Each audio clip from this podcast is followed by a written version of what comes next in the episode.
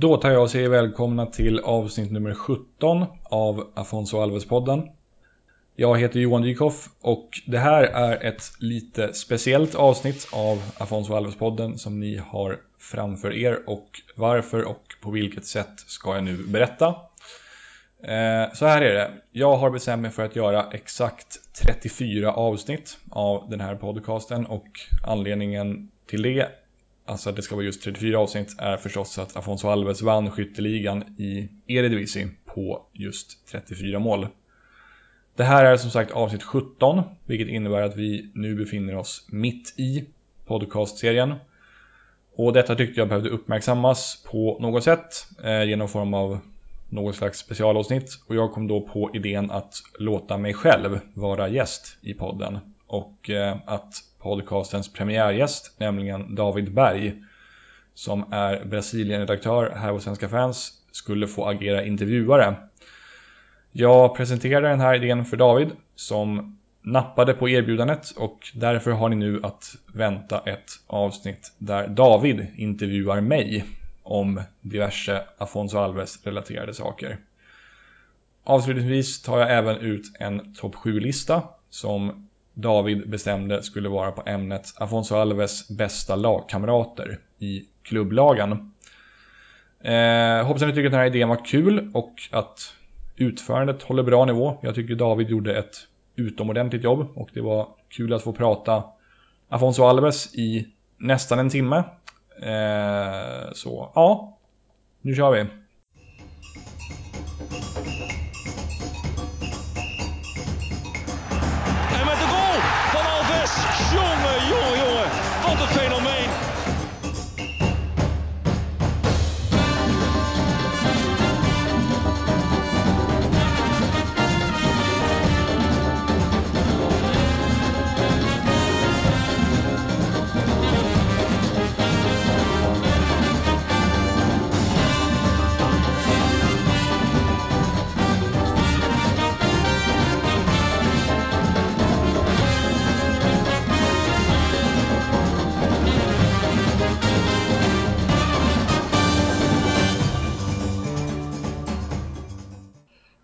Då kör vi faktarutan då. Eh, fullständigt namn?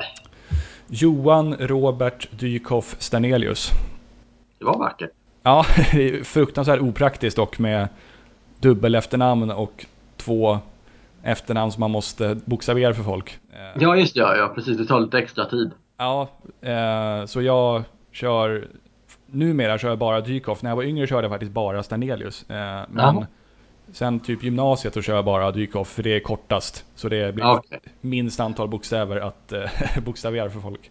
Precis, men det har varit samma liksom bekymmer när du har behövt, alltså eh, ungefär lika ofta du behöver bokstavera Stagnelius som, ja. som dykoff. Ja. Och just den, nu, nu sa du Stagnelius, det är den vanligaste missuppfattningen. Det är Sternelius till och med. Sternelius. Så, Sternelius. Ja, så, om, så, om, man inte bokstaverar så tror folk att det är Stagnelius. Alltså måste man bokstavera båda efternamnen. Ja, just det. Eh, I alla fall, eh, mm. ålder? 29, fyller 30 om en och en halv månad. Okej. Okay. Eh, grattis förskott. Tackar. För ja. övrigt, eh, 7 september, Brasiliens nationaldag. Så det är lite Afonso-koppling. Ja, ja, ja, vackert. Mm. Eh, kommer ifrån, slash bor i? Eh, född och inledningsvis uppvuxen på Södermalm i Stockholm. Sen när jag var 11 flyttade vi till de södra förorterna och där har jag blivit kvar. Sen dess bor nu i Farsta, vilket är ja, söderförort till Stockholm. Just det. Eh, favoritspelare genom tiderna eller nu aktiv? Eh, om jag ska nämna en så är det Anders Svensson. Om jag ska nämna flera så är eh, då Afonso Alves givetvis, men Anders Svensson är nummer ett. Sen kan man även nämna eh, Landon Donovan, David Beckham och Kennedy Bakircioglu. Så det är väl bara den sistnämnda som faktiskt fortfarande är aktiv. Just det. Landon Donovan, det var inte så jättelänge sedan han la va? Nej, och han gjorde ju faktiskt dessutom comeback eh, förra året och lirade ah, typ eh, 7-8 matcher med Galaxy i MLS. När de hade skadeproblem och eh, lite halvtaskig form. Så då gjorde han comeback och Först fick han väl mest bara hoppa in, men han gjorde några matcher från start. Gjorde till och med mål i en match. Um, och han, uh, men det är ju såklart i och med mitt intresse för MLS och fotbollen i USA som han har uh, en speciell plats i hjärtat. Ja, men Landon Donovan har nog, eh, vet, efter Alexi Lala som jag tänker historiskt, så är nog Landon Donovan nästan den amerikanska fotbollsspelare jag uppskattat bäst faktiskt. Ja, och han eh, ju lite speciell på så sätt också att han i stort sett bara har spelat i MLS hela karriären. Eh, ja. Och han har liksom blivit på så sätt en, eh, ja, men en viktig figur för MLS för att han har stannat och bidragit till ligans utveckling. Sådär, medan till exempel Clint Dempsey och Tim Howard och Michael Bradley har varit i Europa och svängt eh, stora delar av karriären. Så har Donovan i princip hela karriären faktiskt varit i MLS. Mm. Eh, bästa fotbollsminne? Eh, om man tänker, ska det vara själv? Någonting man eh, nej, det måste, jag, jag, tänkte som du, ja egentligen, du kan ta bägge och, men jag tänkte väl främst eh, som du har sett eller så. Alano Donovans övertidsmål mot Algeriet 2010 var riktigt, riktigt stort faktiskt. Det minns jag. Det minns Just jag tydligt det. hur jag satt eh, och kollade på den matchen och kände att Nej, men nu, det är kört. USA är utslagna. Och så kom de med den där jävla kontringen efter att Tim Howard hade gjort ett jätteutkast och fick in ett 2-1 mål. Och, eller var det 1-0 kanske då? 1-0 eh, var det va? 1-0 var det, förlåt. Jag tror det. Eh, ja. och, gick, och gick vidare då, tack vare det. det. det ligger varmt om hjärtat. Sen finns det så här enstaka matcher också som man har varit på som har etsats fast. Bayern Trelleborg 2001, guldåret var en sån här underbar mm. match minns jag. Där det var liksom mitt under den här tiden när man faktiskt började haja att fan, det kan faktiskt bli SM-guld för det här nederlagstippade Bayern-laget. De spelade skitbra, de vann med 4-1. Det var en så här fantastisk sommardag. Det var fyra sinnessjukt snygga mål, bland annat ett det som blev årets mål sen i Allsvenskan, där Johan Andersson dundrade in en frispark från 35 mm. meter i mm. krysset. Mm. Så det sticker ut. Eh, har vi mer för några? Har du något egenupplevt fotbollsminne? Nu ska vi se. Jag vann årets mål i mitt korpenlag 2013. Det var ganska kul. Eh, Oj!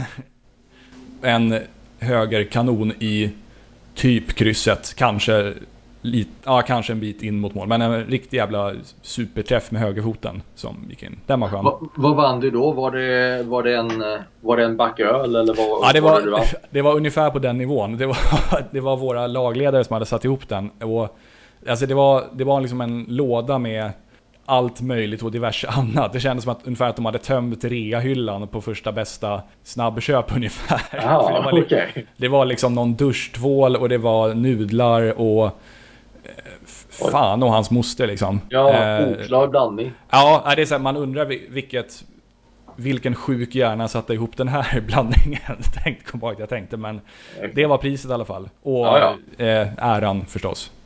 Härligt. Eh, bästa stad du besökt? Bästa stad? Jag har ju bott och pluggat i Groningen och det är en stad som jag verkligen, verkligen tycker om. Eh, ja. Alltså i Nederländerna. Sen gillar jag...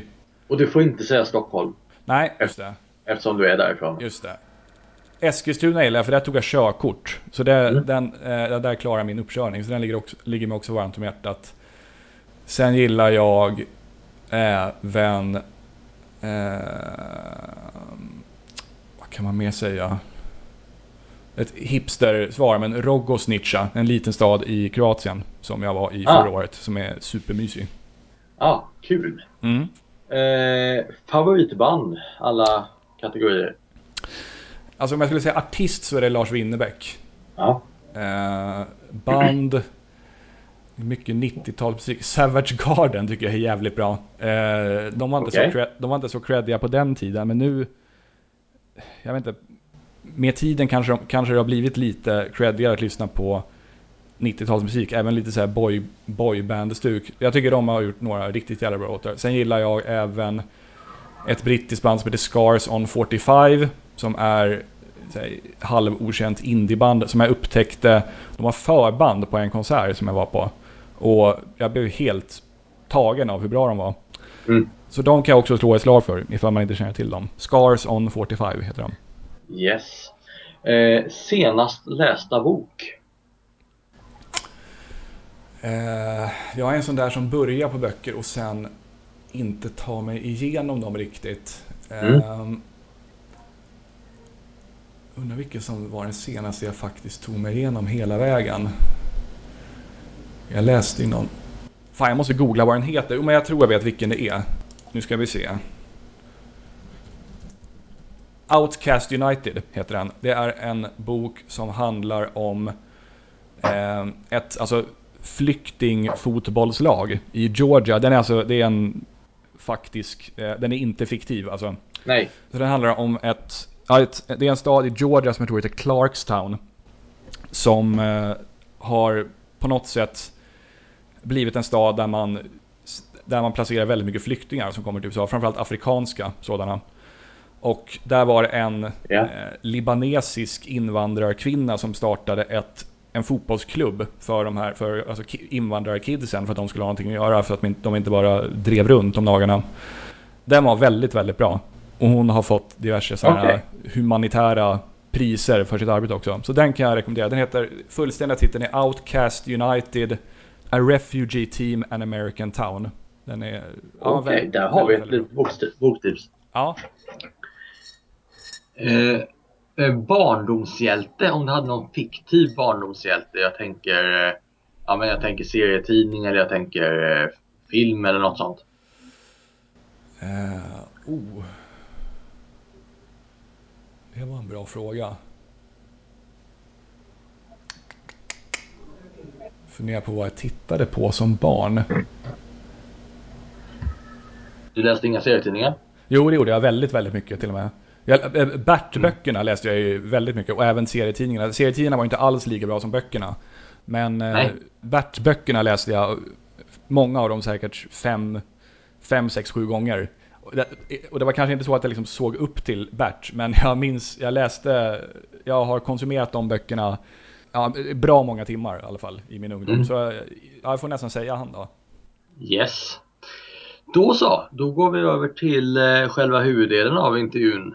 Mm. Eh, vi går väl helt enkelt rakt på första frågan. Eh, och jag tror att det är många med mig som undrar. Eh, vad är ditt första minne av eh, Afonso Alves? Första minnet. Rimligen bör det ju vara den där, hans första match från start i Allsvenskan på Stockholms stadion när han gjorde tre mål mot Djurgården.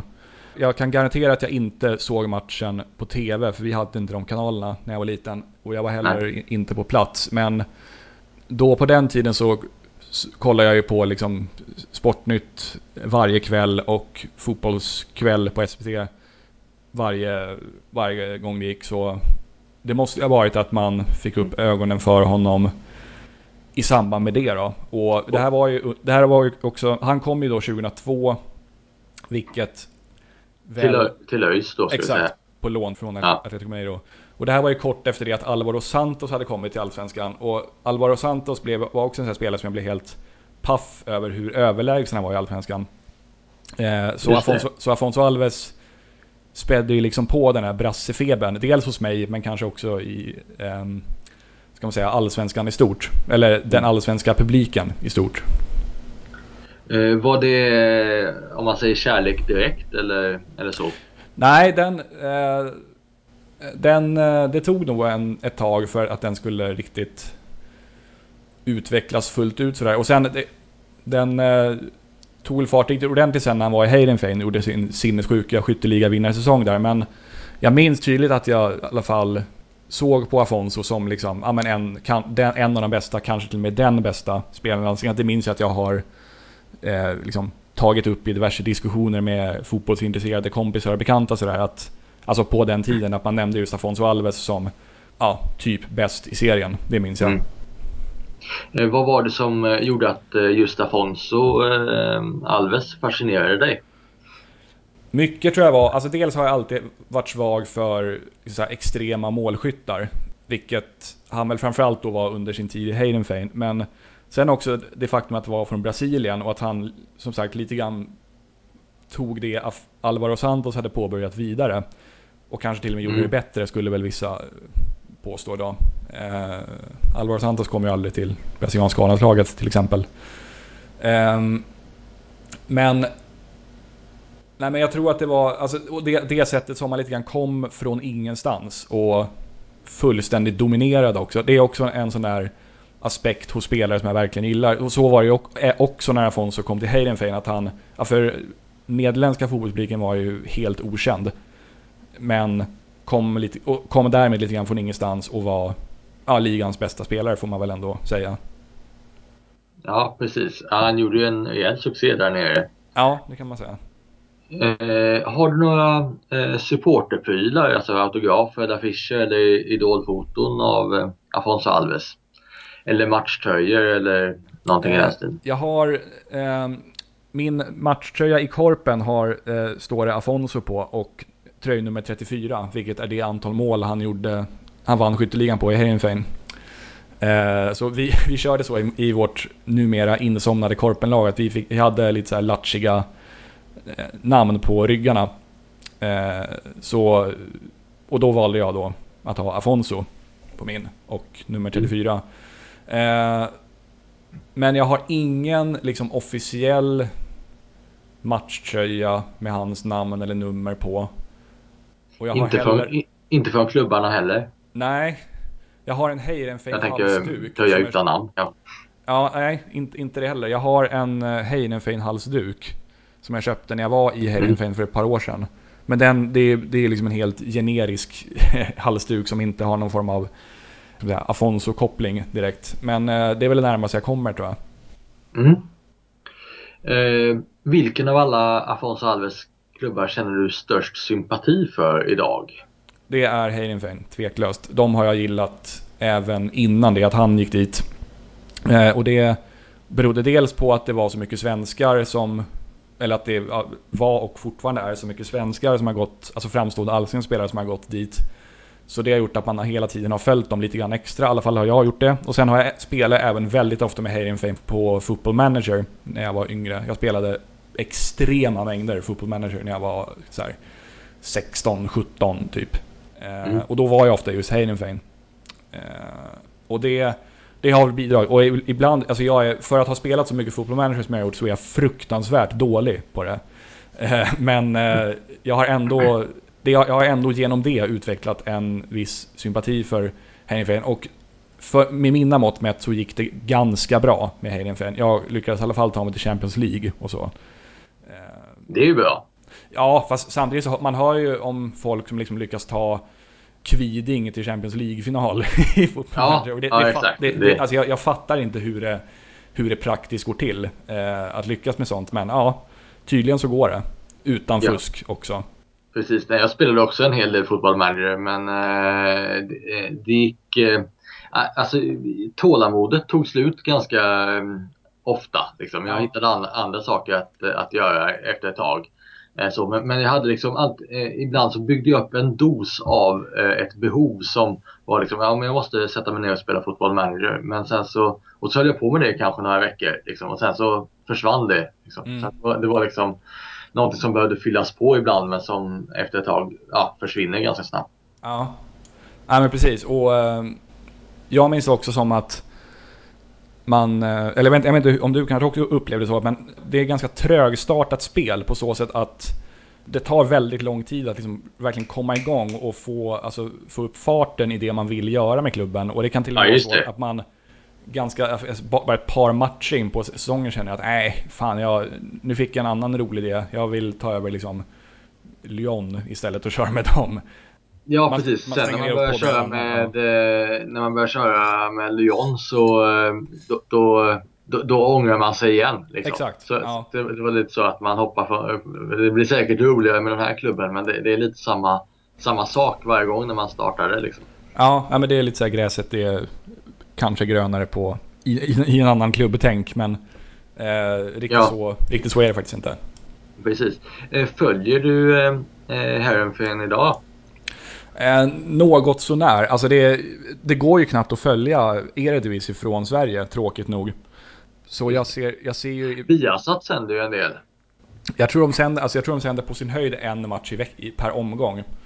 Så eh, ja. alltså, jag, jag, skulle väldigt gärna följa Eredivisie känner jag för Dels har jag gillat den ligan länge, sen har jag som sagt bott i Nederländerna och gillar landet och det skulle även vara ett sätt att jag läser en del nederländsk, nederländska tidningar för att liksom hålla språket, hålla språkfärdigheterna uppe.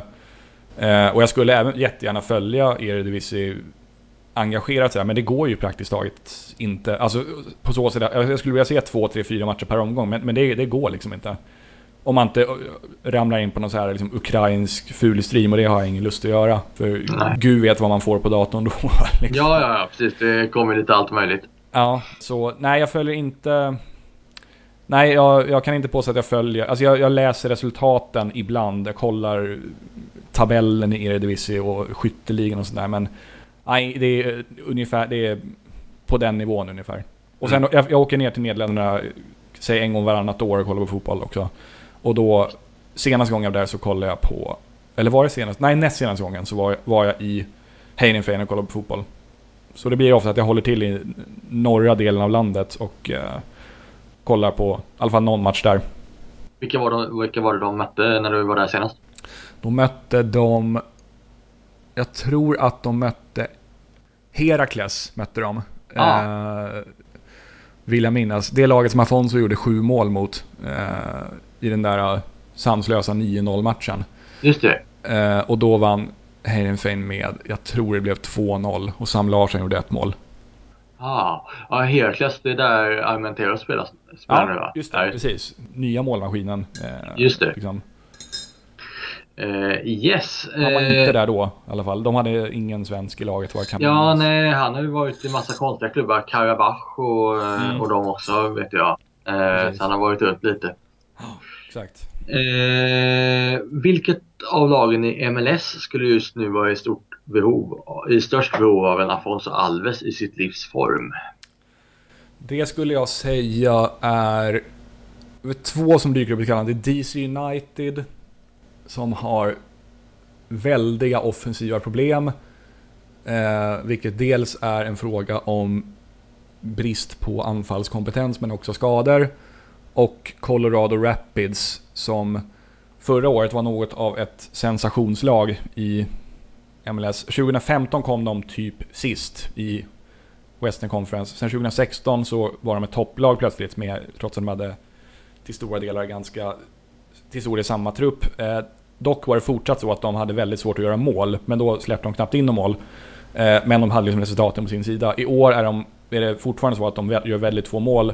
Men de har resultaten emot sig. De, istället för att vinna med 1-0 så spelar de 0-0 eller förlorar med 0-1 istället. Lite grann så. Så det är väl de två lagen som jag spontant kommer att tänka på som skulle behöva en riktig jävla målmaskin. Eh, vilken klass eh, skulle Afonso Alves hålla jämfört med eh, de andra stjärnorna i MLS? Om, om, du tänker som han var när han var som bäst i, i Herrenfame. Ja, det var en bra fråga. Alltså jag tror att hans... Han var ju en lite speciell spelare så här, på så sätt att han var ju... Han var ju jäkligt allround på så sätt att han var ju alltså dels uppenbarligen en jävla goalgetter, det visar ju inte minst hans säsong i Heidenfeld, men också det att han hade alltså sin högerdoja, han kunde ju dunka in frisparkar också. På så sätt kommer man ju lite grann att tänka på Sebastian Giovinco som har haft sån sinnessjuk framgång i, i MLS. Därmed inte sagt att Afonso är lika bra. Och Afonso är väl två decimeter längre också än Giovinco. Just det, men, eh, minst. Ja, Giovinco är ju pytteliten verkligen. Ja. Ja, men alltså, alltså när han var som bäst, då hade, hade, alltså hade han spelat i MLS istället för Heidenfeld, fan, då hade han väl pytsat in 25 bollar utan vidare, det tror jag. Just det. Just... Um, men, men, höll, men höll MLS eh, samma klass eh, Eh, på Afonso Alves tid som eh, den håller nu? Är svårt att säga. Jag, jag, dels, alltså jag följde ju inte MLS då. Det här var alltså 2006-2007 som Afonso var som bäst. Mm. Um, men alltså de som har spelat så pass länge, eh, alltså som spelar idag som även spelade liksom på mitten på 00-talet, brukar ju säga att Åh, det är så väldigt mycket tuffare att spela MLS idag jämfört med nu liksom. Mm. Eller jämfört med då. Så nej, det, det, det kan nog vara så att det, att det är tuffare att spela. Det är, alltså, det är alltså, definitivt att det är tuffare att spela MLS idag. Det är alltså, lagen har mer pengar, kan köpa bättre spelare. Eh, det är fler lag, vilket man i och för sig skulle kunna tro utarmar kvaliteten på ligan. Men å andra sidan så värvas det väldigt mycket duktiga utländska spelare. Så det, alltså, det är ju fler bra spelare i MLS idag än det var för tio år sedan. Just det. Men om du, om du jämför med, med stjärnorna idag då som ja, David Villa till exempel, New York. Mm. Eh, och, och jämför, eh, skulle Alves hålla ungefär den eh, klassen? Eller är det en bättre eller är han sämre? Jag tror... Via vann ju äh, MVP-priset förra året. Jag tror att, alltså hade Afonso gjort, hade han gjort en liksom Heidenfein-mässig eh, säsong i MLS hade han ju vunnit MVP-utmärkelsen alltså utan konkurrens skulle jag tro. Eh, därmed vet, däremot så vet man ju inte om han faktiskt skulle ha gjort det i just MLS för Alltså MLS det är en lite speciell liga, det är inte alla spelare som funkar där. Det har ju historien verkligen visat med eh, alltså rätt beprövade spelare som kommer till MLS och i, ja, men verkligen inte alls funkar. För det är, det är långa resor och det är knepigt klimat med liksom, ja, men, matcher i Texas på sommaren där det är 42 mm. grader och eh, väldigt fysiskt spel som inte alla grejer och sånt där. Och Afonso, han, alltså, med tanke på hur dåligt det gick för honom i Middlesbrough, som var något av ett eh, sparka och springlag, mm. som väl på något sätt kan jämföras med hur spelet ser ut i MLS, så kanske man skulle kunna, så skulle man då kanske kunna få för sig att han inte skulle lyckas så bra i MLS. Samtidigt är Premier League mycket, en mycket tuffare, alltså det är högre kvalitet förstås. Så att han lyckades halvbra i Premier League kanske skulle kunna innebära att han hade lyckats jättebra i MLS. Ja, jag vet inte. Det, det, det blir ju spekulationer hur man än gör. Men, ja, så blir det Men jag hade, väldigt, jag, hade, jag hade väldigt gärna sett honom i MLS förstås. Och jag minns faktiskt att jag läste någon, jag tror nästan det var bara en sån här blogginlägg, men där han i alla fall föreslogs som att det, alltså det borde vara en spelare som borde vara intressant för MLS. Det var precis när Middlesbrough hade ramlat ur Premier League och han, alla förstod att han var på väg bort. Och så stod det liksom att ah, det här är ändå en gubbe som något MLS-lag borde försöka rycka i. Men problemet var väl att Middlesbrough krävde så fruktansvärt mycket betalt. Jag tror han, när han väl gick till sin första klubb i Qatar så tror jag han gick för så här 12 miljoner pund eller någonting och det finns ingen MLS-klubb som kan matcha det. Varken då eller nu liksom. Så på så sätt så var det otänkbart att han skulle hamna i MLS. Yes. Eh, då har vi, apropå spekulativa frågor så kommer, mm. det, kommer det en synnerligen sån här. Eh, tänk dig att du är på bilsemester till spanska solkusten med Afonso Alves och Anders Svensson. Mm. Eh, det är du som kör och halvvägs genom Frankrike ungefär börjar dina lagkamrater kivas om vem som haft mest framgångsrik karriär. Du tröttar och blir tvungen att kasta av en av dem vid nästa bensinmack, praktiskt taget mitt ute i ingenstans. Vem får lämna bilen och varför? Um, alltså jag funderade på det där, just i och med att de, de där två är tveklöst mina två favoritspelare. Men sen faktiskt bara nu i typ veckan, eller här, några veckor sedan så funderade jag på vem av de två som, jag, som faktiskt liksom har betytt mest för mig. Mm. Och då landade jag i att ändå att det är ganska solklart är Anders Svensson. För han har ändå liksom... Dels har han hängt med mycket längre än vad Afonso gjorde. Sen har han även haft inverkan liksom på hur... Alltså min egen väldigt, väldigt blygsamma fotbollskarriär har ändå i någon mån påverkat, alltså Anders Svensson har haft inverkan på. Alltså, alltså jag, jag har verkligen älskat sättet som Anders Svensson spelar fotboll på. Hans sådana här äh, dragningar bakom stödjebenet, finter som han gjorde i tid och otid, är någonting som jag har försökt, försökt lära mig och tycker jag behärskar någorlunda i alla fall. Och sen även hans distansskott. Jag är ju som sagt svag för distansskyttar. Eller Anders Svensson var ju en helt fenomenal distansskytt. Det kanske man glömmer bort i och med att han har spelat defensiv mittfältare och mittback under sista åren av sin karriär. Fast Afonso Men... Alves hade också ett bra distansskott. Ja, det hade han ju. Eh, dock var Afonso mer, det var mer frisparkar. Anders Svensson mm. var bättre på, alltså på rullande boll. Han kunde dra till från liksom 30 meter Eh, och överraska målet lite grann sådär. Eh, och det är, även det är någonting som jag har försökt anamma i mitt eget fotbollsspelande. Och jag kan, Afonso har nog inte haft någon inverkan på hur jag själv spelar fotboll. Och som sagt, jag har spelat fotboll på väldigt, väldigt blygsam nivå. Men likväl så finns det, man kan... kanske om man skulle man kunna se glimtar av Anders, Svens, Anders Svenssonskheter i mitt spel. Trots att jag är back och så. Precis. Så, eh, Fast nu, nu pratar vi ändå fotbollsrelaterat. Men här är du ändå ute på en solsemester till spanska solkusten. Eh, jag tänker rent om man tänker festprismässigt. Jag tänker kan inte Afonso Alves eh, vara lite mer, eh, ja men skaffa brudarna på ett annat sätt än vad alltså, Anders Svensson. Om man följer hans Instagramkonto så verkar han verkar vara en festprisse av rang alltså. För han, ja. han, han gör ju fan inte annat än att partaja med kompisarna. Samtidigt så tror jag att um, jag tror han är lite för, liksom, jag är lite mer så här sitta och snacka på en bar-kille. Afonso verkar vara lite mer supa skallen i bitar till jättehög musik-kille. Ah, så jag okay, tror, ah. Därmed tror jag att jag hade, jag tror jag hade haft bättre game med Anders Svensson. Ja, det, också, det, är ju väldigt vi, viktigt också förstås. Ja, och sen har vi även det här med språkbarriären också. Som, alltså, man, man kanske skulle ha, jag tror att Afonso, jag vet inte om han, jag är tveksamt om han kan svenska fortfarande. Och vad jag har hört så kan han väldigt, ja, ganska liksom basic engelska. Vilket, vilket kanske gör att man inte skulle, man skulle inte få ut så mycket av att hänga med honom, tänker jag. Medan, ja, Anders Svensson, där delar man ju modersmål. Just det. Eh, så, eh, sen kan man ju ta in aspekt vem som har mest pengar och som skulle kunna bjuda, eh, liksom, ställa till med liksom coolast fest. Och där kanske Afonso vinner, för han har ändå spelat ett par år i Qatar nyligen. Samtidigt verkar han bränna så jävla mycket pengar, så undrar hur mycket stålar han egentligen har kvar. Alltså. Ja, det är sant.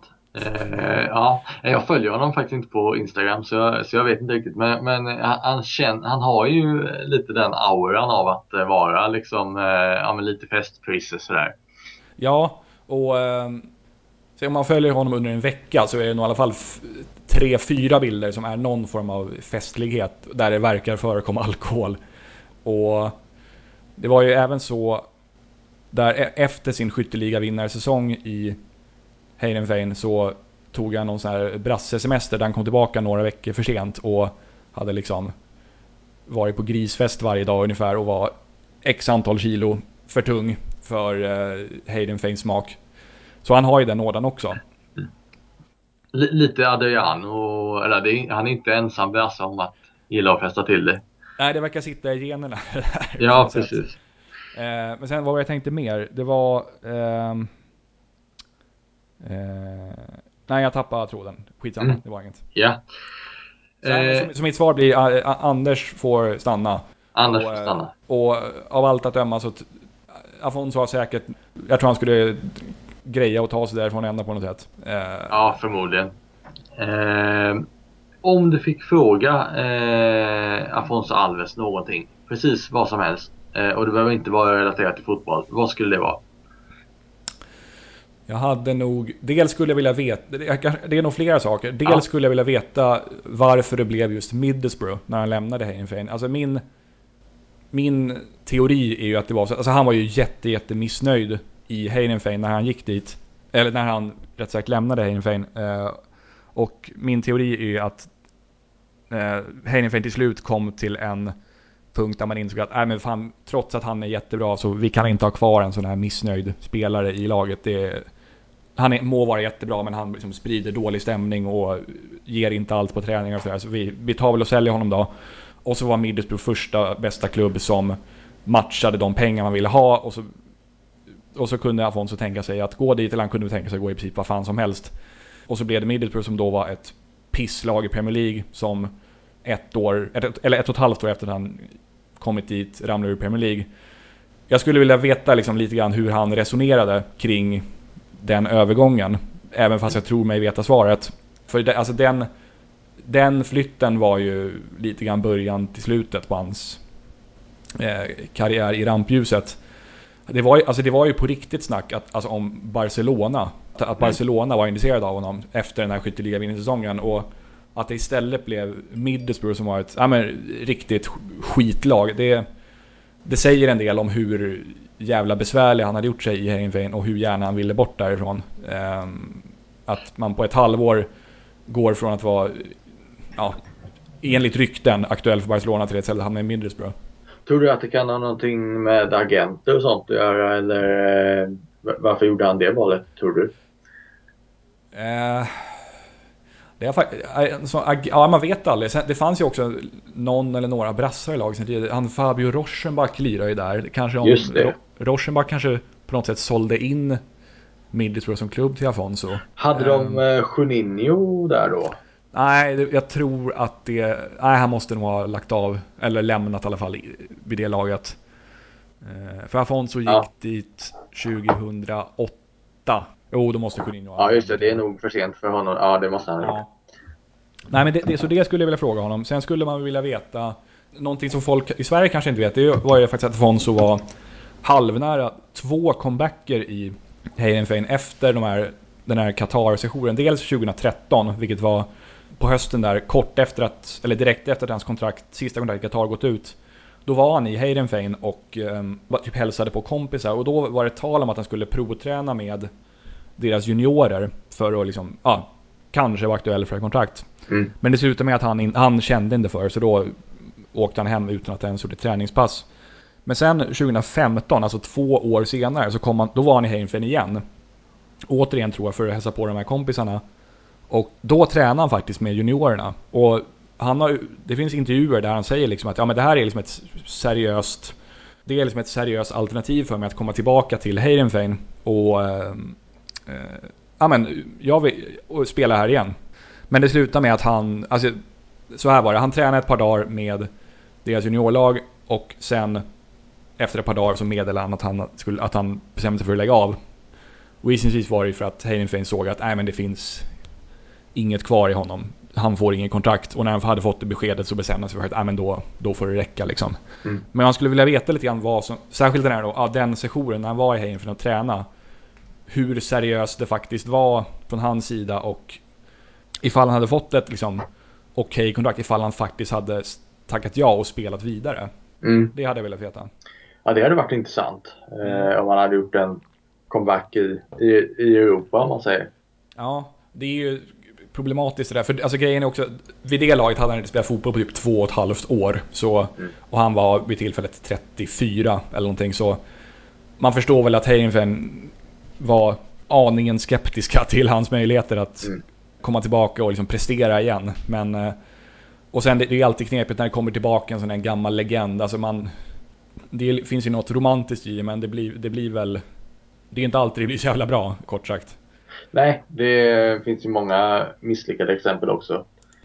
För att stänga den eh, frågan i alla fall. Eh, Juninho lämnade Middlesbrough eh, 2004 så att då var de inte där samtidigt. Nej, precis. Nej, jag misstänkte att det var ett antal år innan där. Ja. Eh, det var inget mer du funderade på att eh, du hade velat fråga honom? Nej, det var nog det som dök upp i skallen spontant. Mm. Ehm, faktiskt. Yes. Nej men då eh, tackar jag väl för att jag fick eh, komma in som gäst igen och ställa några Ja. frågor. Eh, det var lite kul med en ny twist på det så att säga. Eh, så, så att jag tackar för att jag fick komma. Ja, ska vi köra? Men vi kör topp 7-listan också. Ja, ja, Eh. förlåt. Eh, ja, just det. Jag höll på att glömma topp 7. ja, ja, ja, just det. Eh, vi har gjort en topp 7-lista också, eller du har gjort. Ja. Och då fick du i uppdrag att rangordna från de sju bästa lagkamraterna till, till Afonso Alves under karriären. Precis. Det var en verklig utmaning, eh, men också en väldigt kul lista att ta ut. Eh, men jag har hittat... Eh, jag har listan klar för mig. Mm. Och den, jag valde att... Jag kanske inte tog liksom de så här kvalitetsmässigt bästa alla gånger, men det var lite, också lite grann så här, men, kul figurer som han har lirat med och som man vill, som man känner att man vill lyfta fram och kanske bara peka på att, jo men titta, de här har faktiskt spelat ihop. Det. så, ehm, Och det, och det ingick här alltså i frågeställningen inga landslagsspelare då som han har spelat med utan det är bara klubbkamrater vi, vi pratar. Precis, precis. Eh, ja, precis. Så jag kan väl köra igång då, helt Mm. enkelt. Kör! Då har jag, alltså jag har ju möjligen, ifall jag hade funderat längre hade jag kanske ändrat ordning på spelarna. Men jag har, jag har liksom 1 till 7 i alla fall och jag börjar nerifrån på Mm. sjunde plats. Där har jag faktiskt en trio. Och det är de tre före detta lagkamrater till Afonso som har varit vänliga nog att ställa upp på intervjuer till den här podden. Nämligen Tom Sive, Marcus Pode och Lasse Nilsson. Så de får sig en liten hyllning för att de har varit, tagit sin tid och berättat om när de var lagkamrater med Afonso. Ja, men det är fint. Så eh, Tom Sive och Lasse Nilsson de var ju lagkamrater med honom i Heidenfein och Marcus Pode i Malmö FF då. Eh, så de, ja, den uttagningen kan man se som ett tack till att de ställde upp i podden helt enkelt. Ja. Eh, sen har vi på plats 6 en spelare som du kanske känner till i och med ditt Brasilien-intresse, Rodrigo Tabata. Ringer någon klocka? Eh, nej, inte sådär på rak arm faktiskt. Nej. Det är då en landsman på sätt och vis kan man väl säga. Vi kommer in på det senare. Men det är en offensiv mittfältare som är född upp, uppvuxen i Brasilien. Som var något av en late bloomer. Han fick sitt genombrott i Goiás och Santos när han var runt 25 och då snackar vi mitten på 00-talet ungefär och strax därefter. Sen Ja. säsongen 08-09 blev han utlånad till Gaziantepspor, eh, Daniel Larssons gamla klubb i Turkiet. Vilket då var hans första utlandssejour i karriären och där gjorde han jättesuccé och köptes loss inför säsongerna på av Besiktas som väl förmodligen hade imponerats av hans spel i Gaziantepspor då. Men där gick det inte alls lika bra, så då lånades han i januari 2011 ut till Al Rayyan i katariska ligan där Afonso redan fanns då. Mm. Och där gick det väldigt, väldigt bra för den här Rodrigo Tabata. Han öste in poäng och hade också ett väldigt fint samspel med Afonso har jag sett på highlights-klipp. Så han köptes loss från Besiktas sommaren 2011. Och han är faktiskt kvar i Al Rayyan fortfarande. Han var utlånad till en annan katarisk klubb 2014, men annars har han varit Al Rayyan trogen. Och min känsla är att han har varit ovanligt länge i en och samma klubb för att vara utlänning i en sån här Gulfstatsklubb. Det känns som att de brukar liksom hoppa runt betydligt mer än vad Tabata har gjort. Även om de gör succé. De byter klubb lite titt som tätt i alla fall. Men Ja. på så sätt är han lite ovanlig. Precis, det finns väl ett och annat undantag men eh, du har nog en poäng där tror jag. Ja. Ehm, och sen var det det här med hans nationalitet. För som hans efternamn Tabata kanske antyder så har han japanskt påbrå. Jag tror det är mor eller farföräldrarna Ah, just det. som är därifrån. Ja. Eh, och i slutet av 2011 så försökte Al Rayyan fixa ett japanskt pass till honom för att han då skulle räknas mot någon annan form av så här utlänningskvot än vad som då var fallet. Och vilket hade varit mer fördelaktigt. Man har väl någon så här regel i Qatar att man får ha fyra utlänningar plus en asiatisk utlänning. Eller något sånt där. Så då ville man få Tabata att räknas som asiat genom sitt japanska pass. Men det gick inte, för Tabata kan inte japanska. Och det måste man kunna för att bli japansk medborgare. Men istället skulle man lösa det på så sätt att han 2015 hade bott tillräckligt länge i Qatar för att bli Qatarisk medborgare. Så då blev han det. Och eftersom han var och fortfarande är en av ligans bästa spelare så blev han i fjol uttagen till A-landslaget och är bofast där vad jag vet. Han har gjort Aha. 17-18 A-landskamper för Qatar och två mål tror jag eller någonting. ja, så det kan gå. Ja, och, alltså, och man kan ju verkligen ha åsikter om Qatar som land och dess fotboll och inte minst deras liksom värvande av utländska idrottare. Men jag tycker i alla fall att det är en jävla intressant karriär den här killen har. För liksom en brasse-japan som dels slår igenom ganska sent på klubblagsnivå och sen som snart 36-åring debuterar i Qatars landslag. Det är en rätt speciell story liksom. Ja, precis. Och sen var han liksom en bra radarpartner till Afonso också i Al Rayyan då och hjälpte Afonso till några fina år där i slutet av karriären. Just det. Eh, vet du förresten varför det finns så många... eh, det finns ju ganska mycket japaner i Brasilien. Nej, det, den, ja, det vet jag faktiskt inte vad det beror på. Men jag vet, jag vet att det var många japaner som arbetade på så här apelsinfält och sånt eh, ja, tidigare på 1900-talet och eller, ja, i, i den vevan där. Så, Ja. så, det, så det finns en del, ja, en, en del japanskt påbrå i, i Brasilien överlag. Ja, just det. Och sen även, även ehm, motsatsen har man ju sett. Man har ju sett en del japaner i Brasilien, eller rätt sagt brassar i Japans A-landslag har man ju sett eh, ett antal gånger också. Alltså fotbollsspelare då. Ja. Alex, någon vänsterytter som är där till exempel. Så, ehm, det, de, de, har det. slags- de har någon koppling de länderna. Ja, exakt varför vet jag inte. Varför det har blivit just dem. Men, Corinthians hade ju ett väldigt eh, stort stöd i, eh, i Tokyo när de vann eh, klubblags-VM. Eh, Ja. Vet jag. Eh, det, hade, det var ju fullsatta läktare och, och, och japanerna erbjöd ju eh, tillfälliga bostäder, och, alltså hotellrum och, och, och övernattningsmöjligheter rättare sagt. Och hela den biten. Så ja, de har någon form av connection. Ja, ja, det är intressant alltså. Finns säkert böcker om det också, på tal om precis, böcker som man precis. borde läsa. Yes. Ja, eh, plats nummer fem.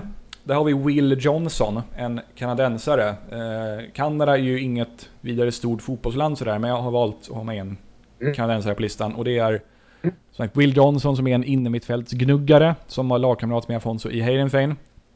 Och han fick väl aldrig något större genombrott där och han skickades eh, säsongen efter den då Afonso vann skytteligan iväg på lån till De Graafschap som är en mindre klubb i Nederländerna.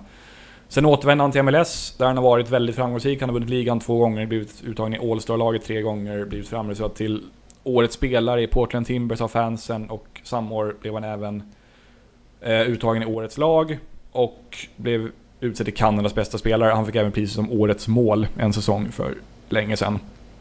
Eh, känns det som att han är lite på nedgång nu, för han skadade sig ganska allvarligt för några år sedan och halkade ur startelvan i Portland, där då tidigare varit lagkapten under deras titelsäsong 2015 och sen tradades han till Toronto inför, nu ska vi se, fjolårssäsongen där han inte var speciellt lyckosam och nu spelar han för Orlando.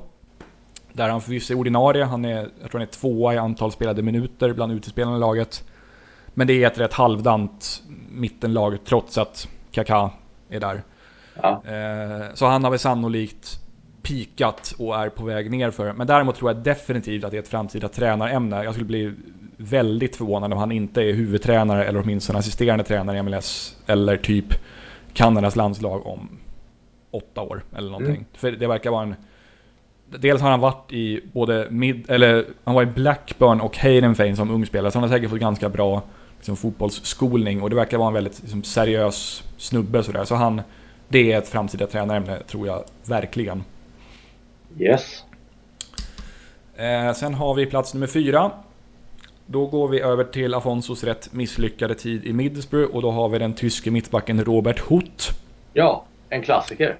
Ja, verkligen. Som jag väl egentligen inte har någon större relation till sådär. Jag minns att han var fruktansvärt bra på Football Manager för massa år sedan. Han var såhär 19-20 när han var i Chelsea. Men annars har jag väl aldrig ägnat honom sådär jättemycket tankekraft. Men jag tar ut honom som någon slags hyllning till eh, Leicesters titelvinnarlag förra året i Premier League. För det är bland det coolaste jag har upplevt inom fotboll. Ja, um, han har ju aldrig varit en riktig världsback liksom. Han, har väl knappt, han hade väl en kort landslagskarriär men han, han har ju varit runt i engelska mittenklubbar liksom. Så det är ja, kul exakt. att uh, du tar upp honom. Ja, och uh, jag ser knappt någon Premier League-fotboll för jag har inte de kanalerna. Men jag älskar skrällar och Leicesters Premier League-titel är väl bland det värsta man har varit med om i skrällväg. Ja. Jag vill minnas att Erik Niva skrev någon argumenterande text som menade att det var största skrällen någonsin i fotbollshistorien och det kanske stämmer. Han borde väl veta om någon.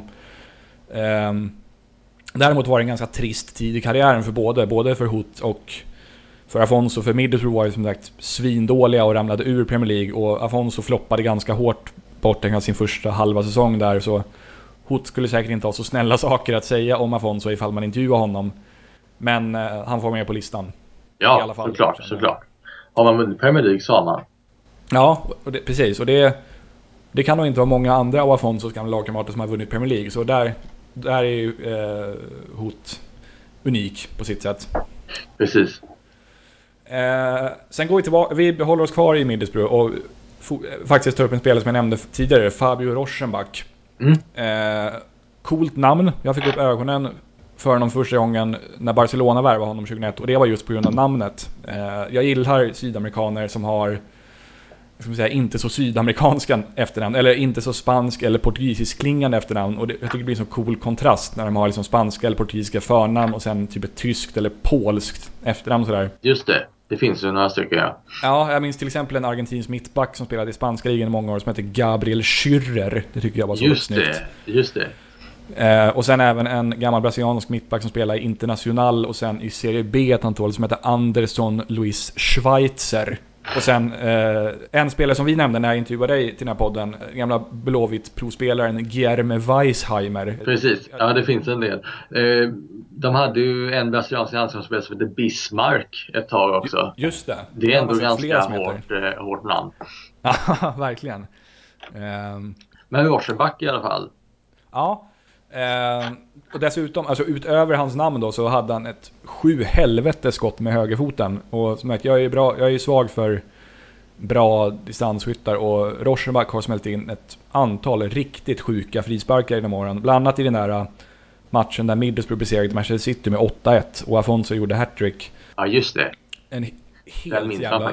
Ja, när Isaksson stod i mål och Svennis tränade City. Eh, om man inte kommer ihåg eller har sett en frispark, då, så ska man kolla upp den. För det, det är svårt att sätta en frispark mer i krysset än vad Rauschenbach gjorde där. Alltså, den är helt otrolig. Sen var han ganska tuff som spelare, vissa skulle då till och med säga ful. Lite så här Johan Perssonsk i spelstil, men Johan Persson gillar jag. Så eh, det är pluspoäng i min bok. Rauschenbach hade jag jättegärna sett i MLS faktiskt. Tyvärr blev det så att han istället vände hem till Brasilien efter att han hade floppat i Sporting efter den här Middlesbrough-sessionen. Och sen körde han ett par år i Kina och sen flyttade han hem och spelade amatörfotboll och sen la han av helt och hållet. Och han var heller inte, heller inte så gammal tror jag. Jag tror han var 32 eller någonting när han gjorde sin sista professionella match. Men det kanske ja, var just det. Ja, precis. Det var väl 2014. Han är väl typ, eh, vad kan han vara, 81, 82 eller något sånt. Ja, så det kan nog stämma. Och, men kroppen kanske liksom var slut efter att ha sprungit runt och stångat på innermittfält i 13 år liksom. Så han kanske, kanske var kroppen som sa ifrån snarare än han själv. Så. Ja precis. Alltså jag, eh, jag minns honom som egentligen hela karriären så var han eh, lite så här, ja men eh, lovande sådär. Han mm. fick aldrig sitt eh, riktiga genombrott. Han kom ju liksom till eh, Barcelona direkt från, eh, om det var International eller vad det var i Brasilien han var i från början. Eh, och, och då hade han ju liksom, han hade ju ganska höga förväntningar om att slå i, i Barcelona liksom. Men, men eh, det, det, han, han kom ju till, aldrig riktigt till sin rätt där. Det var ju för stor klubb för honom tyvärr. Ja, precis. Lite för stort. Och han, om jag minns rätt så kom han samtidigt som han Giovanni, han eh, offensiva mittfältaren. Ja, just det ja. Precis. Som också var en sån där stor talang som det inte heller riktigt flög för. Som sen faktiskt hamnade i MLS. En kort session i San Jose gjorde han. Där han mm. faktiskt var ganska bra, men eh, ändå bara blev kvar ett halvår. Så det var liksom, de, de värvade ett knippe spelare där. Rick Helmer kom också i samma vända. Ja, som det vet som jag. Liksom, Rick Helmer kom i samma vända. Som hell, heller liksom inte riktigt funkar i Barcelona. Så de, Nej. Det var några rätt kassa sydamerikanska satsningar de gjorde där under ja, början på 00-talet helt enkelt. Och Rauschenbach var då tyvärr en av dem. Ja, precis. Det var en bättre eh. sydamerikansk satsning med Ronaldinho då, samma period. Det kan, ja, det kan man ju säga. Ja. Eh, verkligen. Ja, de har ju haft ett gäng bra sydamerikaner men Rauschenbach var inte en av dem. Nej, helt klart. Mm. Jajamän. Sen har vi plats två. Eh, då går vi tillbaka till Heidenfeld faktiskt. Och då har jag valt kroaten Daniel Pranjic. Eh, han har hunnit bli 35 nu. Spelar fortfarande, även om han är klubblös för tillfället. Han spelade faktiskt senast i eh, slovenska ligan. Väldigt märkligt karriärsteg, men där var han i alla fall nu senast. Eh, han var en väldigt starkt bidragande orsak till Afonsos succé i Heidenfeld. Han har en galen vänsterfot och gjorde 10 assists den säsongen då Afonso vann skytteligan, vilket gav honom delad första plats i assistligan tillsammans med faktiskt Lasse Nilsson och även en belgare från AZ med det härliga namnet Marten Martens. Ah, var inte han i Bayern München också ett kort tag? Det, eller? det stämmer. Han, ja. han, flyttade vidare och spelade sen för ja, klart större klubbar än vad Afonso mäktade med Commodore. För han hade sessioner i Bayern München, precis som du sa, och sen Sporting. Och han hade även sessioner i Celta Vigo och Panathinaikos. Så det var inte så illa pinkat ändå jämfört med hur, hur det har gått för vissa framstående Eredivisie-spelare som liksom faller, som liksom faller igenom fullständigt när de lämnar ligan. Typ Afonso kanske man kan Ja, precis. Afonso är väl gyllene exempel. Ja.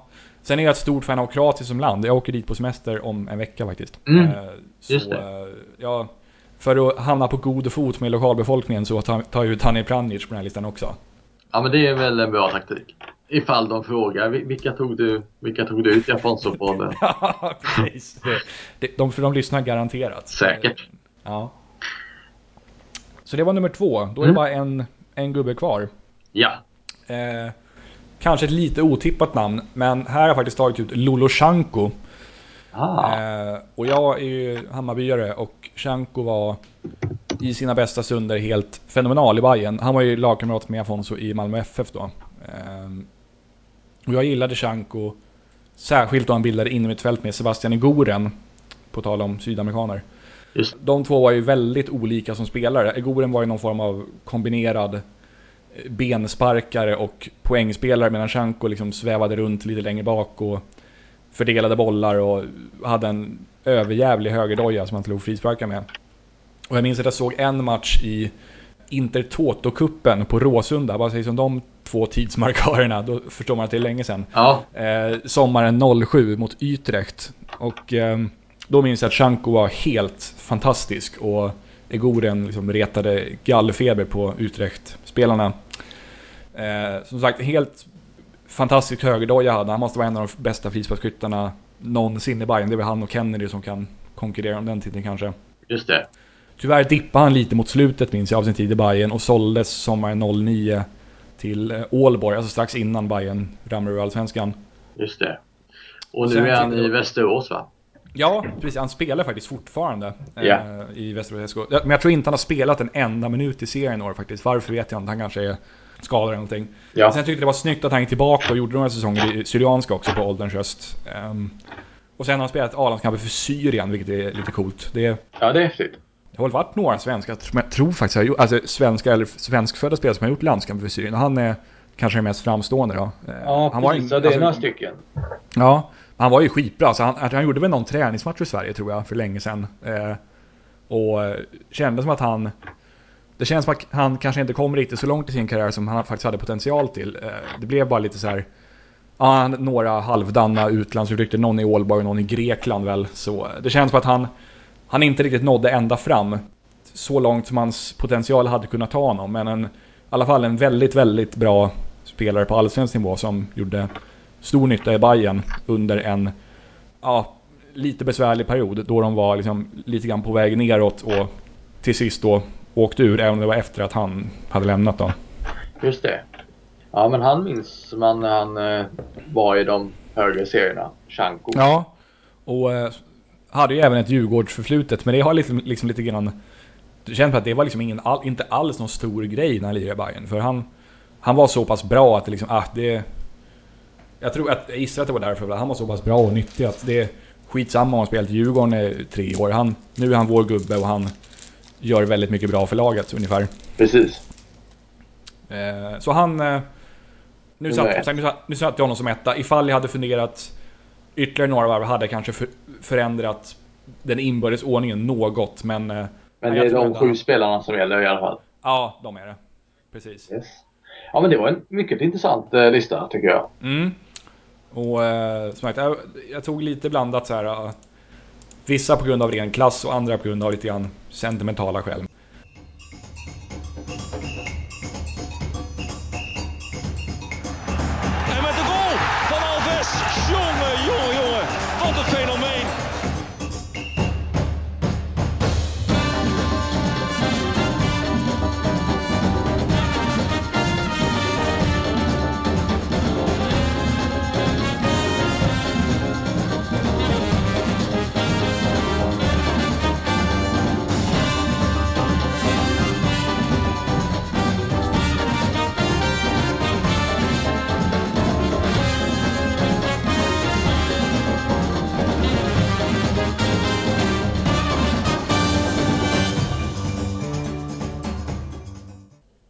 Sådär ja, då tackar vi David Berg för att han tog sig tid att programleda det här avsnittet. Det gjorde han ju utomordentligt bra, måste jag säga. Eh, ni kan följa Davids skrivarbete dels här på eh, Svenska fans, bland annat på Brasilien-sidan, men han skriver även om IFK Göteborg och nu för stunden även om det pågående dam-EMet nere i Nederländerna. Man kan även följa David på Twitter där han heter understreck David understreck Berg understreck.